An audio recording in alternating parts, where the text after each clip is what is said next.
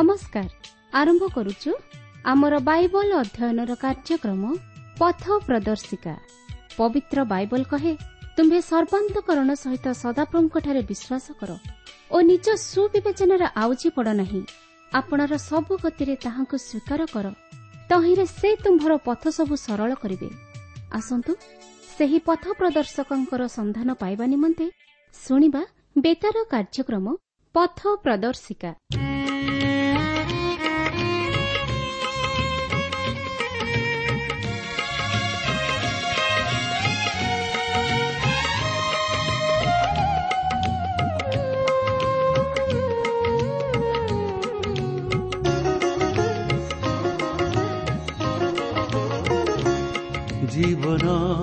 ସାଗର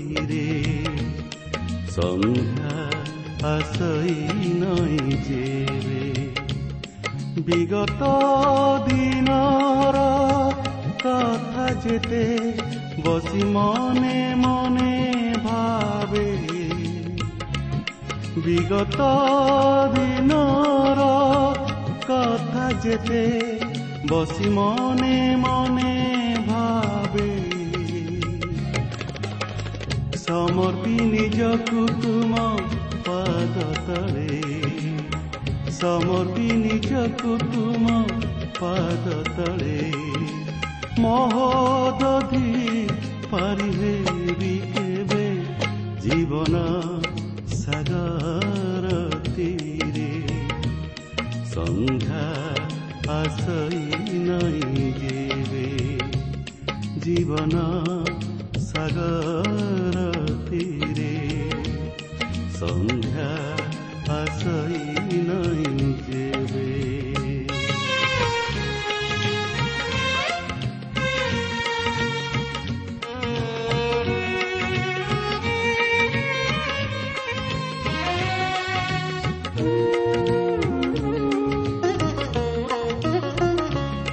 पुतल तरङ्ग सागर बोखर देखि शङ्का भय मने जागे नाही त मोतरी।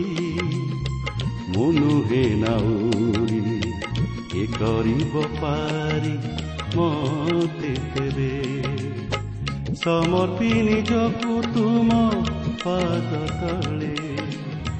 ସମର୍ପି ନିଜକୁ ତୁମ ପାଦ ତଳେ ମହୋଦଧି ପାରିହେବି କେବେ ଜୀବନ ସାଗର ତୀରେ ସନ୍ଧ୍ୟା ଆସଇ ନାହିଁ ଯେବେ ଜୀବନ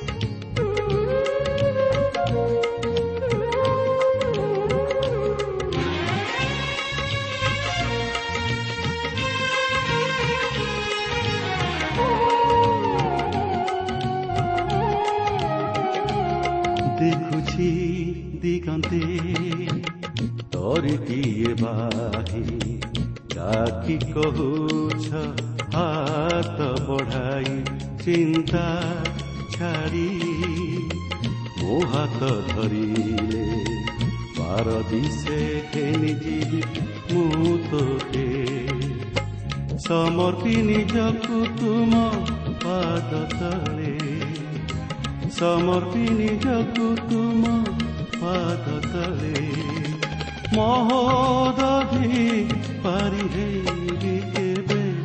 ଜୀବନ ସାଗର ତୀରେ ସନ୍ଧ୍ୟା ଆସଇ ନେବେ ଜୀବନ ସାଗର ତୀରେ ସନ୍ଧ୍ୟା ଆସଇ ନାଇଁ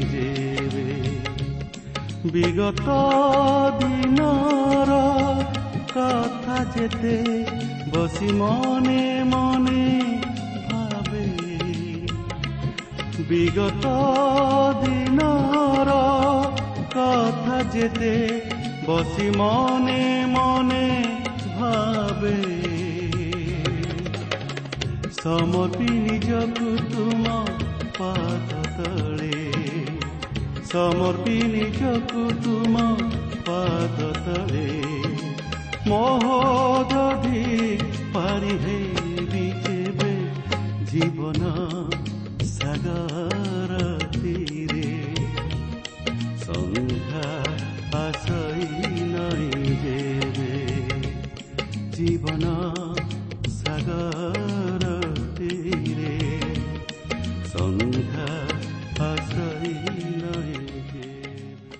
ପ୍ରିୟ ଶ୍ରୋତା ବନ୍ଧୁ ଆଜିର ଏହି ଶୁଭ ଅବସରରେ ଆମମାନଙ୍କର ସୃଷ୍ଟିକର୍ତ୍ତା ତଥା ଉଦ୍ଧାରକର୍ତ୍ତା ପ୍ରଭୁ ଯୀଶୁଖ୍ରୀଷ୍ଟଙ୍କ ମଧୁର ନାମରେ ଶୁଭେଚ୍ଛା ଜଣାଏ ଆଜିର ଏହି ପଥ ପ୍ରଦର୍ଶିକା କାର୍ଯ୍ୟକ୍ରମକୁ ଆପଣଙ୍କୁ ସ୍ୱାଗତ ଜଣାଏ ଆପଣ ଏହି କାର୍ଯ୍ୟକ୍ରମର ଜଣେ ନିୟମିତ ଶ୍ରୋତା ଜାଣି ଆମେ ବିଶେଷ ଖୁସି ଆପଣଙ୍କର ମତାମତ ନିମନ୍ତେ ଓ ସାକ୍ଷ୍ୟ ନିମନ୍ତେ ମଧ୍ୟ ବିଶେଷ ଧନ୍ୟବାଦ ପ୍ରଭୁ ଯୀଶୁ ଯେ ଆପଣଙ୍କର ପ୍ରାର୍ଥନା ଶୁଣି ଆପଣଙ୍କୁ ଉଦ୍ଧାର କରିଛନ୍ତି ଆଉ ସେ ଯେ ଆପଣଙ୍କର ଜୀବନକୁ ବଦଳାଇ ଦେଇଛନ୍ତି ତାହା ଜାଣି ମଧ୍ୟ ପ୍ରଭୁଙ୍କର ଆମକୁ ଧନ୍ୟବାଦ ଦେଉ।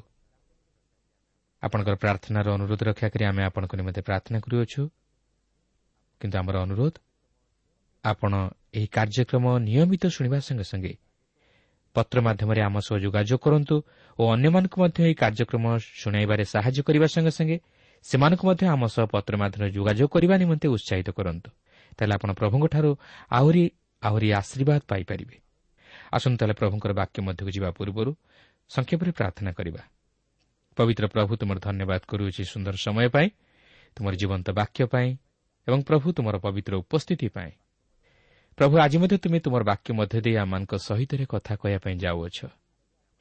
ହଁ ପ୍ରଭୁ ତୁମେ ଆମମାନଙ୍କୁ ଏ ପ୍ରକାର ଏକ ଆତ୍ମିକ କର୍ଣ୍ଣ ଦିଅ ଏକ ହୃଦୟ ଦିଅ ଯେପରି ଆମେ ତୁମର ବାକ୍ୟକୁ ଶୁଣିବା ସଙ୍ଗେ ସଙ୍ଗେ ଯେପରି ତାହାକୁ ହୃଦୟ ମଧ୍ୟରେ ସଞ୍ଚୟ କରି ରଖିବାକୁ ପାରିବୁ ଆଉ ସେହି ବାକ୍ୟ ଅନୁଯାୟୀ ଯେପରି ଜୀବନଯାପନ କରି ପ୍ରଭୁ ତୁମକୁ ଉଦ୍ଧାରକର୍ତ୍ତା ରୂପେ ଗ୍ରହଣ କରି ଯେପରି ପ୍ରଭୁ ସେହି ପାପରୁ ଉଦ୍ଧାର ପାଇ ଅନନ୍ତ ଜୀବନର ଅଧିକାରୀ ହେବାକୁ ପାରିବୁ।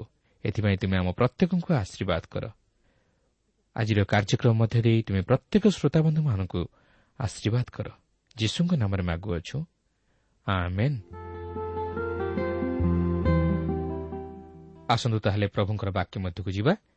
ଆଜି ଆମେ ଜୋହନ ସୁଷମାଚାରର ପ୍ରଥମ ପର୍ବର ତେୟାଳିଶ ପଦରୁ ଆରମ୍ଭ କରି ଦୁଇ ପର୍ବର ଦୁଇ ପଦ ପର୍ଯ୍ୟନ୍ତ ଅଧ୍ୟୟନ କରିବା ନିମନ୍ତେ ଯିବା। ମୋର ଅନୁରୋଧ ଆପଣଙ୍କ ନିକଟରେ ଯଦି ପବିତ୍ର ବାଇବଲ ଅଛି କିମ୍ବା ନୂତନ ନିୟମ ଅଛି ତାହେଲେ ମୋ ସହିତ ଖୋଲନ୍ତୁ ଅଧ୍ୟୟନ କରନ୍ତୁ। ଯଦି ନାହିଁ ତାହେଲେ ମନୋଯୋଗର ସହିତ ଶୁଣନ୍ତୁ। ତେବେ ଏଠାରେ ମୁଁ ଆପଣଙ୍କୁ ସ୍ମରଣ କରାଇଦେବାକୁ ଚାହେଁ ଯେ ଗତ ପାଠରେ ଏହି ଜୋହନ ପ୍ରଥମ ପର୍ବରେ ଆମେ ପ୍ରଭୁ ଯୀଶୁଙ୍କ ବିଷୟରେ ବାପ୍ତିଜକ ଜୋହନଙ୍କର ସାକ୍ଷ୍ୟ କ'ଣ ଥିଲା ଓ ଆନ୍ଦ୍ରିୟଙ୍କର ସାକ୍ଷ୍ୟ କ'ଣ ଥିଲା ତାହା ଅଧ୍ୟୟନ କରି ଆଲୋଚନା କରିଥିଲୁ। କିନ୍ତୁ ଆଜି ଆମେ ସେହିପରି ଯୀଶୁଙ୍କ ବିଷୟ ନେଇ ଆଉ କେତେ ଜଣଙ୍କର ସାକ୍ଷ୍ୟ ଦେଖିବା ଯାହାକି ଜୋହନ ଏହି ସୁଷମାଚାର ମଧ୍ୟରେ ଉଲ୍ଲେଖ କରିଅଛନ୍ତି। ବର୍ତ୍ତମାନ ଆମେ ଦେଖିବା ଯୀଶୁଙ୍କର ଶିଷ୍ୟ ଫିଲିପ ଯୀଶୁଙ୍କ ବିଷୟ ନେଇ କିପରି ସାକ୍ଷ୍ୟ ଦିଅନ୍ତି। ଦେଖନ୍ତୁ ଜୋହନ ପ୍ରଥମ ପର୍ବର ତେୟାଳିଶରୁ ଛୟାଳିଶ ପଦରେ ଏହିପରି ଲେଖା ଅଛି ତହିଁଆର ଦିନ ଯୀଶୁ ଗାଲିଲିକୁ ବାହାରି ଯିବା ପାଇଁ ଇଚ୍ଛା କଲେ ଆଉ ସେ ଫିଲିପଙ୍କ ଦେଖା ପାଇ ତାହାଙ୍କୁ କହିଲେ ମୋହର ଅନୁଗମନ କର। ଫିଲିପ ବେତ୍ସାଇଦାର ଲୋକ ଥିଲେ। ତାହା ଆନ୍ଦ୍ରିୟ ଓ ପିତରଙ୍କର ନଗର ଥିଲା। ଫିଲିପ ନିଥନିୟଲଙ୍କ ଦେଖା ପାଇ ତାହାଙ୍କୁ କହିଲେ ଯାହାଙ୍କ ବିଷୟରେ ମୂଷା ବ୍ୟବସ୍ଥାରେ ଲେଖିଅଛନ୍ତି ପୁଣି ମାଓବାଦୀମାନେ ମଧ୍ୟ ଲେଖିଅଛନ୍ତି ଆମ୍ଭେମାନେ ତାହାଙ୍କର ଦେଖା ପାଇଅଛୁ। ସେ ଜୋସେଫଙ୍କ ପୁତ୍ର ନାଜରିତ ଯୀଶୁ। ନିଥନିଏଲ ତାହାଙ୍କୁ ପଚାରିଲେ ନାଜରିତରୁ କି କୌଣସି ଉତ୍ତମ ବିଷୟ ଉତ୍ପନ୍ନ ହୋଇପାରେ? ଫିଲିପ ତାହାଙ୍କୁ କହିଲେ ଆସି ଦେଖ। ଏହି ଅଂଶରେ ଆପଣ ଲକ୍ଷ୍ୟ କରିବେ ଜୋନ୍ ଏଠାରେ ଏକ ଭୌଗୋଳିକ ବିବରଣୀ ମଧ୍ୟ ପ୍ରଦାନ କରନ୍ତି। ପିତର ଆନ୍ଦ୍ରିୟ ଓ ଫିଲିପ ଯେ ସେହି ବେତ୍ସାଇଦାର ଲୋକ ଥିଲେ ଓ ସେମାନେ ମତ୍ସ୍ୟଧାରୀ ଥିଲେ ତାହା ଆମେ ପ୍ରତ୍ୟେକ ଜାଣୁ। ଓ ଏହି ବେତ୍ସାଇଦା ଗାଲିଲି ସମୁଦ୍ରର ଉପର ଭାଗ ଅଞ୍ଚଳରେ ଅବସ୍ଥିତ ଥିଲା। କିନ୍ତୁ ଏଠାରେ ଲକ୍ଷ୍ୟ କରିବାର ବିଷୟ ହେଉଛି ଯେ ଫିଲିପଙ୍କର ସାକ୍ଷ୍ୟ ଯାହାକି ସେ ଯୀଶୁଙ୍କ ବିଷୟରେ ପ୍ରକାଶ କରିଥିଲେ ଯୀଶୁ ଯେ ପ୍ରକୃତରେ ସେହି ବାକ୍ୟ ଥିଲେ ଅର୍ଥାତ୍ ପୁରାତନ ନିୟମରେ ମୋଷାଙ୍କ ବ୍ୟବସ୍ଥାରେ ଓ ଭାବାଦୀମାନଙ୍କ ଶାସ୍ତ୍ରରେ ଯେଉଁ ସମସ୍ତ ବାକ୍ୟ ଉଲ୍ଲେଖ କରାଯାଇଅଛି ତାହା ଯେ ପ୍ରଭୁ ଯୀଶୁଙ୍କ ବିଷୟ ନେଇ ଉଲ୍ଲେଖ କରାଯାଇଅଛି ତାହା ଫିଲିପ ସାକ୍ଷ୍ୟ ଦିଅନ୍ତି। ଓ ସେ ଯେ ତାହାଙ୍କର ଦେଖା ପାଇଅଛନ୍ତି ଓ ସେ ଯେ ଜୋସେଫଙ୍କ ପୁତ୍ର ନାଜରିତ ଯୀଶୁ ତାହା ସେ ପ୍ରକାଶ କରି ସାକ୍ଷ୍ୟ ଦିଅନ୍ତି। ଅର୍ଥାତ୍ ଅନ୍ୟ ଅର୍ଥରେ କହିବାକୁ ଗଲେ ସେହି ସମସ୍ତ ମୂଷାଙ୍କ ବ୍ୟବସ୍ଥା ଓ ଭାବାଦୀମାନଙ୍କ ବାକ୍ୟ ଯେ ଯୀଶୁଙ୍କ ଜୀବନରେ ସଫଳ ହୋଇଅଛି ଓ ଯୀଶୁଙ୍କ ବିଷୟରେ ସାକ୍ଷ୍ୟ ଦେଇଅଛି ତାହା ସେ ସାକ୍ଷ୍ୟ ଦିଅନ୍ତି। ଅର୍ଥାତ୍ ସେହି ଯୀଶୁ ଯେ ଈଶ୍ୱରଙ୍କ ବାକ୍ୟ ଥିଲେ ଓ ମାନବ ଦେହ ଧାରଣ କରି ଆମମାନଙ୍କ ମଧ୍ୟକୁ ଆସିଲେ ତାହା ସେ ସାକ୍ଷ୍ୟ ଦିଅନ୍ତି। କାରଣ ସେହି ସମସ୍ତ ବ୍ୟବସ୍ଥା ଓ ବାକ୍ୟ ଯୀଶୁଙ୍କ ଜୀବନରେ ସଫଳ ହୋଇଥିବାର ସେ ଦେଖିବାକୁ ପାରିଥିଲେ।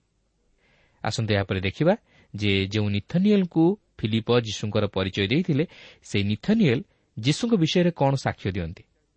ଦେଖନ୍ତୁ ପ୍ରଥମ ପର୍ବର ସତଚାଳିଶ ପଦରେ ଏହିପରି ଲେଖା ଅଛି ଯୀଶୁ ନିଥନିଏଲ୍ଙ୍କୁ ଆପଣା ନିକଟକୁ ଆସୁଥିବା ଦେଖି ତାହାଙ୍କ ବିଷୟରେ କହିଲେ ଏହି ଦେଖ ପ୍ରକୃତରେ ଏହି ଜଣେ ଇସ୍ରାଏଲୀୟ ଲୋକ।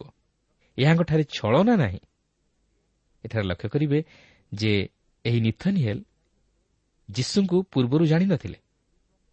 ମାତ୍ର ସେ ଯେତେବେଳେ ଫିଲିପଙ୍କ କଥା ଅନୁଯାୟୀ ଯୀଶୁଙ୍କୁ ଦେଖିବାକୁ ଆସୁଅଛନ୍ତି ସେତେବେଳେ ଯୀଶୁ ନିଥେଲିଆନ୍ଙ୍କ ବିଷୟରେ ସାକ୍ଷ୍ୟ ଦେଇ କହୁଛନ୍ତି ପ୍ରକୃତରେ ଏ ଜଣେ ଇସ୍ରାଏଲୀୟ ଲୋକ ଏହାଙ୍କଠାରେ ଛଳନା ନାହିଁ।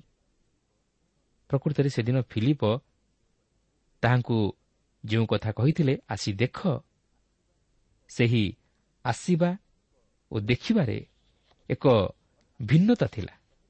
ଅର୍ଥାତ୍ ତହିଁରେ କୌଣସି ଛଳନା ନଥିଲା। ଏହା ଥିଲା ଏକ ବାସ୍ତବ ଅନ୍ୱେଷଣ। ଏକ ସରଳ ବିଶ୍ୱାସର ହୃଦୟ। ପ୍ରଭୁ ଯୀଶୁ ତାହାଙ୍କର ହୃଦୟର ଭାବକୁ ମଧ୍ୟ ଜାଣିଥିଲେ। ସେ କେଉଁପରି ହୃଦୟ ନେଇ ଯୀଶୁଙ୍କର ଅନ୍ୱେଷଣ କରୁଅଛନ୍ତି ତାହା ମଧ୍ୟ ସେ ଜାଣିଥିଲେ। ତେଣୁକରି ଯୀଶୁ କହନ୍ତି ଏହାଙ୍କଠାରେ ଛଳନା ନାହିଁ। କିନ୍ତୁ ଆଜି ଆମେ କିପରି ହୃଦୟ ନେଇ ଯୀଶୁଙ୍କର ଅନ୍ୱେଷଣ କରୁଅଛୁ? କ'ଣ ଆମେ ଛଳନା କରି ଯୀଶୁଙ୍କର ଅନ୍ୱେଷଣ କରୁଅଛୁ?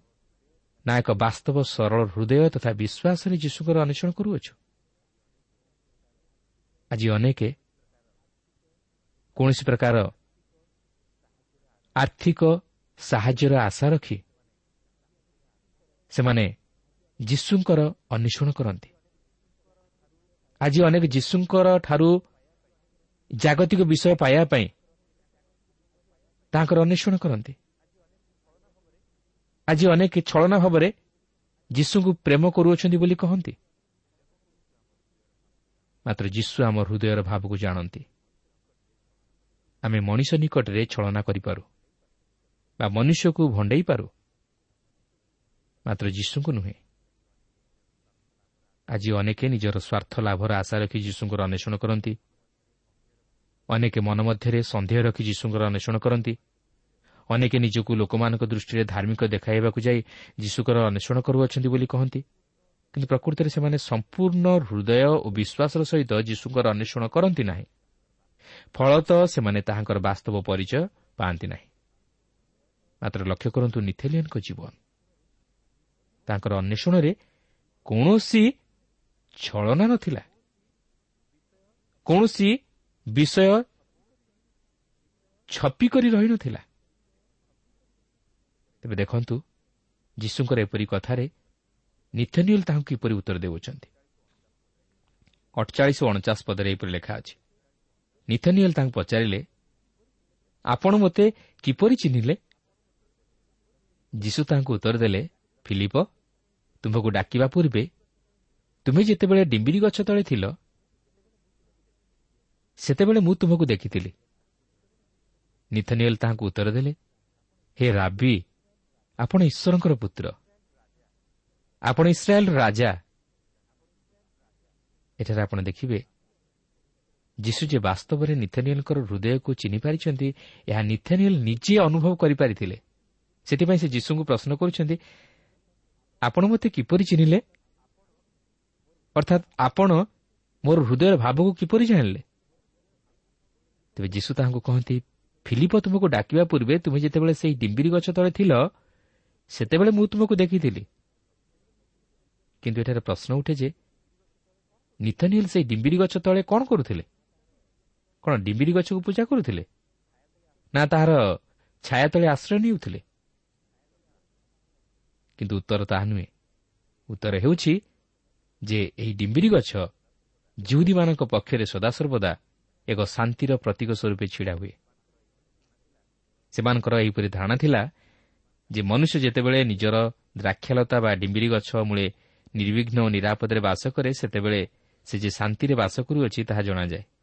ଏହା ମଧ୍ୟ ଈଶ୍ୱରଙ୍କର ଇସ୍ରାଏଲ୍ ଜାତି ପ୍ରତି ଏକ ପ୍ରତିଜ୍ଞାଯୁକ୍ତ ନିୟମ ଥିଲା ଯାହାକି ମିଖା ଭବିଷ୍ୟତ ବକ୍ତାଙ୍କ ପୁସ୍ତକ ଚାରିପର୍ବର ଚାରିପଦରେ ଲେଖା ଅଛି। ଏହା ବ୍ୟତୀତ ସେହି ସମୟରେ ଜୁହୁଦୀ ସମ୍ପ୍ରଦାୟ ମଧ୍ୟରେ ଏହା ଏକ ପ୍ରକାର ପ୍ରଥା ଥିଲା ଯେ ସେମାନେ ସେହି ଡିମ୍ବିରି ଗଛ ମୂଳରେ ବସି ଈଶ୍ୱରଙ୍କ ବିଷୟରେ ଧ୍ୟାନ କରୁଥିଲେ। ତେଣୁ ନିଥନିଏଲ୍ ଯେ ସେହି ଡିମ୍ବିରି ଗଛ ମୂଳରେ ବସି ଈଶ୍ୱରଙ୍କ ନିକଟରେ ଧ୍ୟାନ କରିବା ସହିତ ସେହି ମସିହଙ୍କର ଆଗମନର ଅପେକ୍ଷାରେ ରହି ପ୍ରାର୍ଥନା କରୁଥିଲେ ଏଥିରେ ତିଳେ ହେଲେ ସନ୍ଦେହ ନାହିଁ। ଆଉ ବର୍ତ୍ତମାନ ସେ ଅନୁଭବ କରିପାରୁଛନ୍ତି ଯେ ଯୀଶୁ ତାହାଙ୍କର ହୃଦୟର ଭାବକୁ ତଥା ଚିନ୍ତାଧାରାକୁ ଜାଣିପାରିଛନ୍ତି। ତେବେ ଯୀଶୁ ଯିଏ ତାହାଙ୍କର ହୃଦୟର ଭାବକୁ ଜାଣିପାରିଅଛନ୍ତି ଏହା ଜାଣି ସେ ତାହାଙ୍କର ସାକ୍ଷ୍ୟ ଦେଇ କହନ୍ତି ହେ ରାବି ଆପଣ ଈଶ୍ୱରଙ୍କ ପୁତ୍ର ଆପଣ ଇସ୍ରାଏଲ୍ ରାଜା।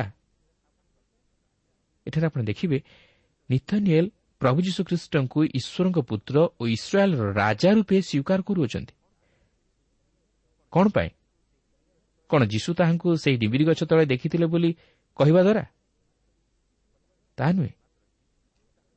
ମାତ୍ର ଯୀଶୁ ଯେ ତାହାଙ୍କର ହୃଦୟର ସମସ୍ତ ଭାବକୁ ଜାଣିପାରିଛନ୍ତି ତାହା ଜାଣି ସେ ଯୀଶୁଙ୍କୁ ଈଶ୍ୱରଙ୍କ ପୁତ୍ର ରୂପେ ଓ ଇସ୍ରାଏଲ୍ ରାଜା ରୂପେ ସାକ୍ଷ୍ୟ ଦେଉଛନ୍ତି କାରଣ ସେ ଯୀଶୁଙ୍କ ନିକଟକୁ ସରଳ ବିଶ୍ୱାସରେ ଆସିବାରୁ ଯୀଶୁଙ୍କର ବାସ୍ତବ ପରିଚୟ ପାଇଲେ।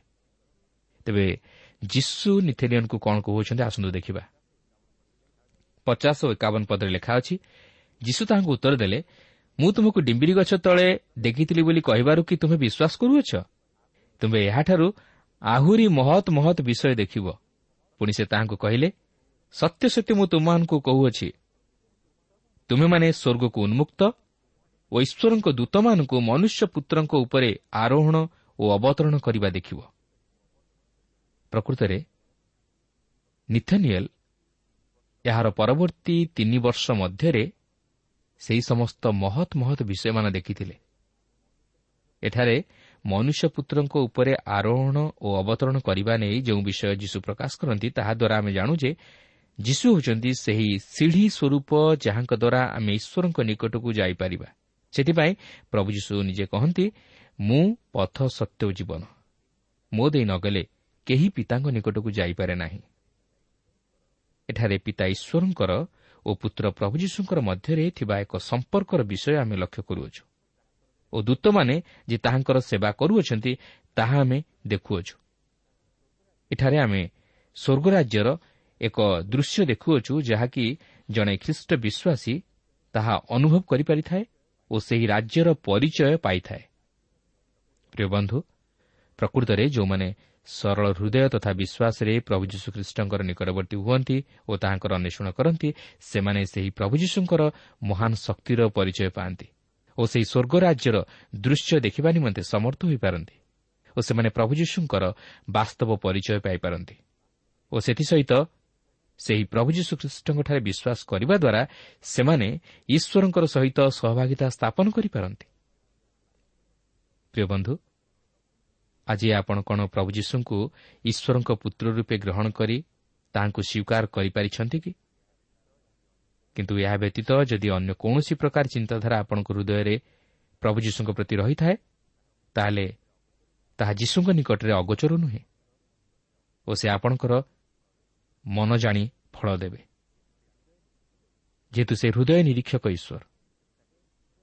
କିନ୍ତୁ ଚେଷ୍ଟା କରୁ ଯେ ଯେପରି ଆମ ହୃଦୟରେ ଖ୍ରୀଷ୍ଟଙ୍କ ପ୍ରତି କୌଣସି ଛଳନା ବା କପଟ ଭାବ ପ୍ରକାଶ ନ ପାଏ।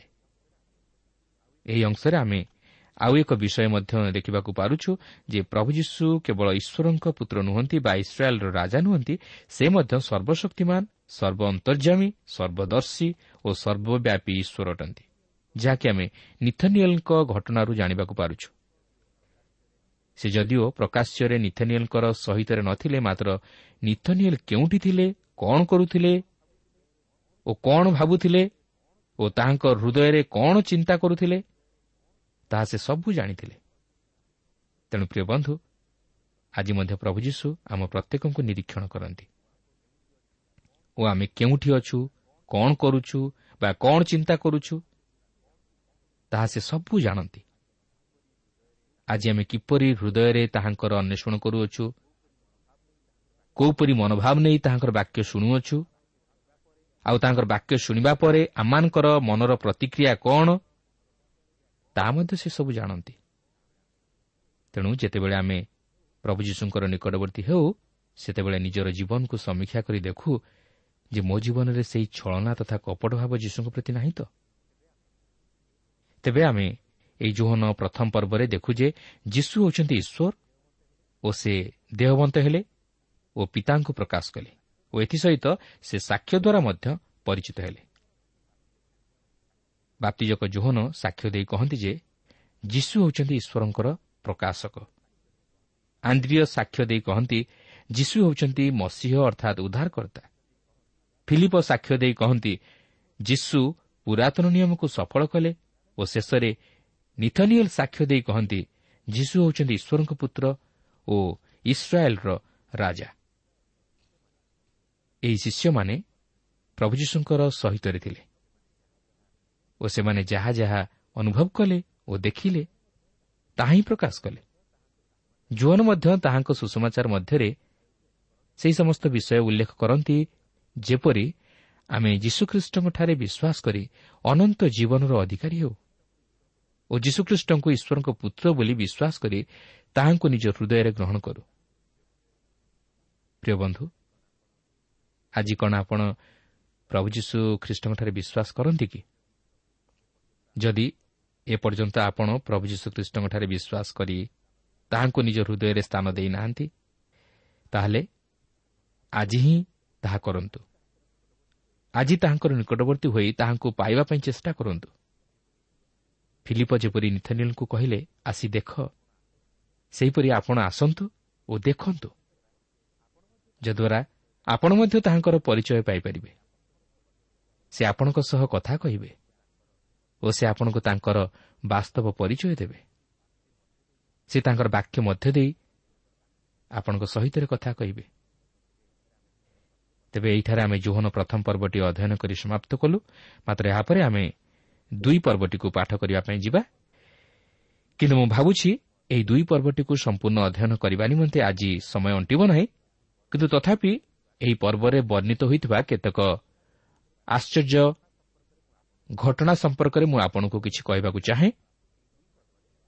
ଏହି ଦୁଇ ପର୍ବରେ ଯୀଶୁ ପ୍ରଥମ କରି ଏକ ଆଶ୍ଚର୍ଯ୍ୟ କର୍ମ ସାଧନ କରୁଅଛନ୍ତି ଯାହାକି ଜଳକୁ ଦ୍ରାକ୍ଷାରସରେ ପରିଣତ କରିବା ବିଷୟ ଓ ଏହା ସେହି ଗାଲିଲିର କାନା ନଗରର ଏକ ବିବାହ ଭୋଜରେ ଯୀଶୁ କରିଥିଲେ। କିନ୍ତୁ ଜୋହନ ତାଙ୍କର ଏହି ସୁଷମାଚାରରେ ସେହି ଆଶ୍ଚର୍ଯ୍ୟ କର୍ମକୁ ଉଲ୍ଲେଖ କରିବା ପଛରେ ଏକ ପ୍ରଧାନ ଉଦ୍ଦେଶ୍ୟ ହେଉଛି ଯେ ଆମେ ଯେପରି ବିଶ୍ୱାସ କରୁ ଯେ ଯୀଶୁ ଈଶ୍ୱରଙ୍କ ପୁତ୍ର ଖ୍ରୀଷ୍ଟ ଅଟନ୍ତି ପୁଣି ବିଶ୍ୱାସ କରି ଯେପରି ଆମମାନେ ତାହାଙ୍କ ନାମରେ ଜୀବନ ପ୍ରାପ୍ତ ହେଉ ଏଥିନିମନ୍ତେ ସେ ଏହି ସମସ୍ତ ବିଷୟ ଉଲ୍ଲେଖ କରନ୍ତି। କାରଣ ଏହା ହିଁ ତାଙ୍କର ପ୍ରଧାନ ଉଦ୍ଦେଶ୍ୟ ଥିଲା ଯାହାକି ଆମେ ଜୋହନ କୋଡ଼ିଏ ପର୍ବର ତିରିଶ ଓ ଏକତିରିଶ ପଦରେ ଦେଖିବାକୁ ପାରୁ। ତେଣୁ ଏହି ଆଶ୍ଚର୍ଯ୍ୟ କର୍ମ ବିଷୟ ନେଇ ଅଧ୍ୟୟନ କରିବା ସମୟରେ ଆମେ କେବଳ ଆଶ୍ଚର୍ଯ୍ୟ କର୍ମରେ ହିଁ ରହିଯିବା ନାହିଁ। ମାତ୍ର ଏହି ଆଶ୍ଚର୍ଯ୍ୟ କର୍ମ ଦ୍ୱାରା ଯୀଶୁ କିଏ ଓ ଯୀଶୁ ମୋ ଜୀବନରେ କ'ଣ କହିବାକୁ ଚାହାନ୍ତି ଓ ସେ ମୋ ଜୀବନରୁ କ'ଣ ଆଶା କରନ୍ତି ତାହା ଜାଣିବା ନିମନ୍ତେ ଚେଷ୍ଟା କରିବା। ତେବେ ଏହା ହେଉଛି ଯୀଶୁଙ୍କର ପ୍ରଥମ ଆଶ୍ଚର୍ଯ୍ୟକର୍ମ ଯାହାକି ସେ ଗାଲିଲିର କାନା ନଗରରେ ଏକ ବିବାହ ଉତ୍ସବରେ ଜଳକୁ ଦ୍ରାକ୍ଷାରସରେ ପରିଣତ କରିଥିଲେ। ଦେଖନ୍ତୁ ଜୋହନ ଦୁଇ ପର୍ବର ପ୍ରଥମ ଦୁଇ ପଦରେ ଏହିପରି ଲେଖା ଅଛି ତୃତୀୟ ଦିବସରେ ଗାଲିଲିର କାନାରେ ଗୋଟିଏ ବିବାହ ହେଲା।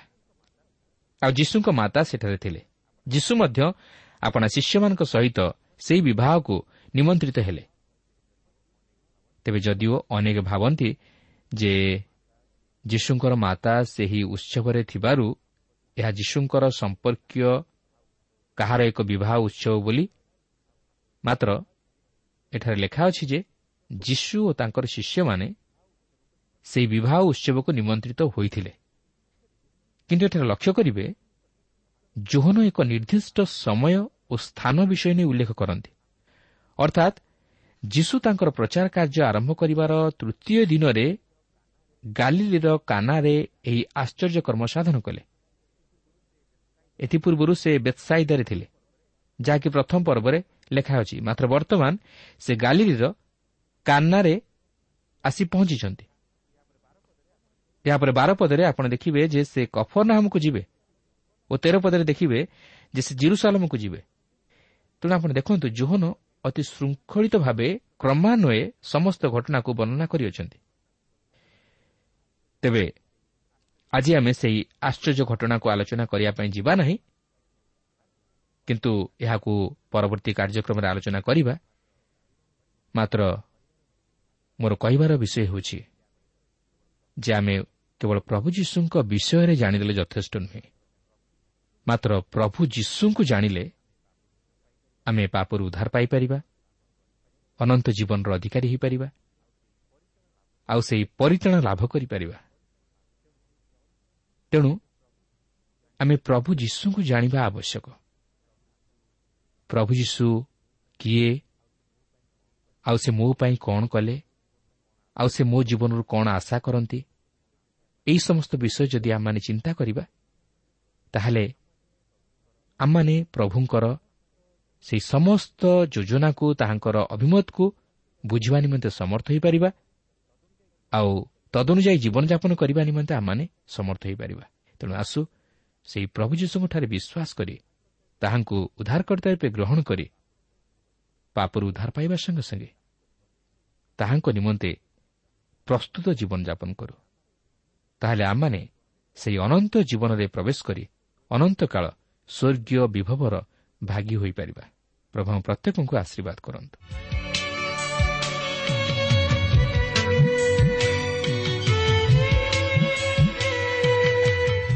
প্রিয় শ্রোতা এই কার্যক্রম শুণিবার আপনার অশেষ ধন্যবাদ এই কার্যক্রম আপনার কিপর লাগিলা ଓ କେଉଁ ବିଷୟଟି ଆପଣଙ୍କ ହୃଦୟକୁ ଅଧିକ ସ୍ପର୍ଶ କରିଛି ତାହା ଲେଖି ଜଣାଇଲେ ଆମେ ବିଶେଷ ଉପକୃତ ହେବୁ। ଯଦି କିଛି ପ୍ରଶ୍ନ ବା ସନ୍ଦେହ ଥାଏ ତାହା ପତ୍ର ମାଧ୍ୟମରେ ଅଥବା ଟେଲିଫୋନ୍ ଯୋଗେ ଆମକୁ ଜଣାନ୍ତୁ। ଆମର ଠିକଣା ପଥ ପ୍ରଦର୍ଶିକା Trans World Radio India post box number ତିନି ତିନି ଭୁବନେଶ୍ୱର ସାତ ପାଞ୍ଚ ଏକ ଶୂନ ଶୂନ ଏକ। ଟେଲିଫୋନ୍ ନମ୍ବର ଶୂନ ଛଅ ସାତ ଚାରି ଦୁଇ ତିନି ଶୂନ ଶୂନ ତିନି ତିନି ପାଞ୍ଚ। ଠିକଣାଟି ଆଉଥରେ ଶୁଣନ୍ତୁ।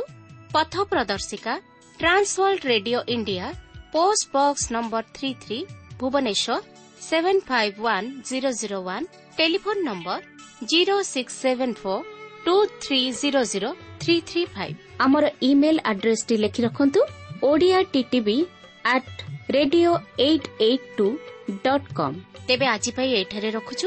ନମସ୍କାର।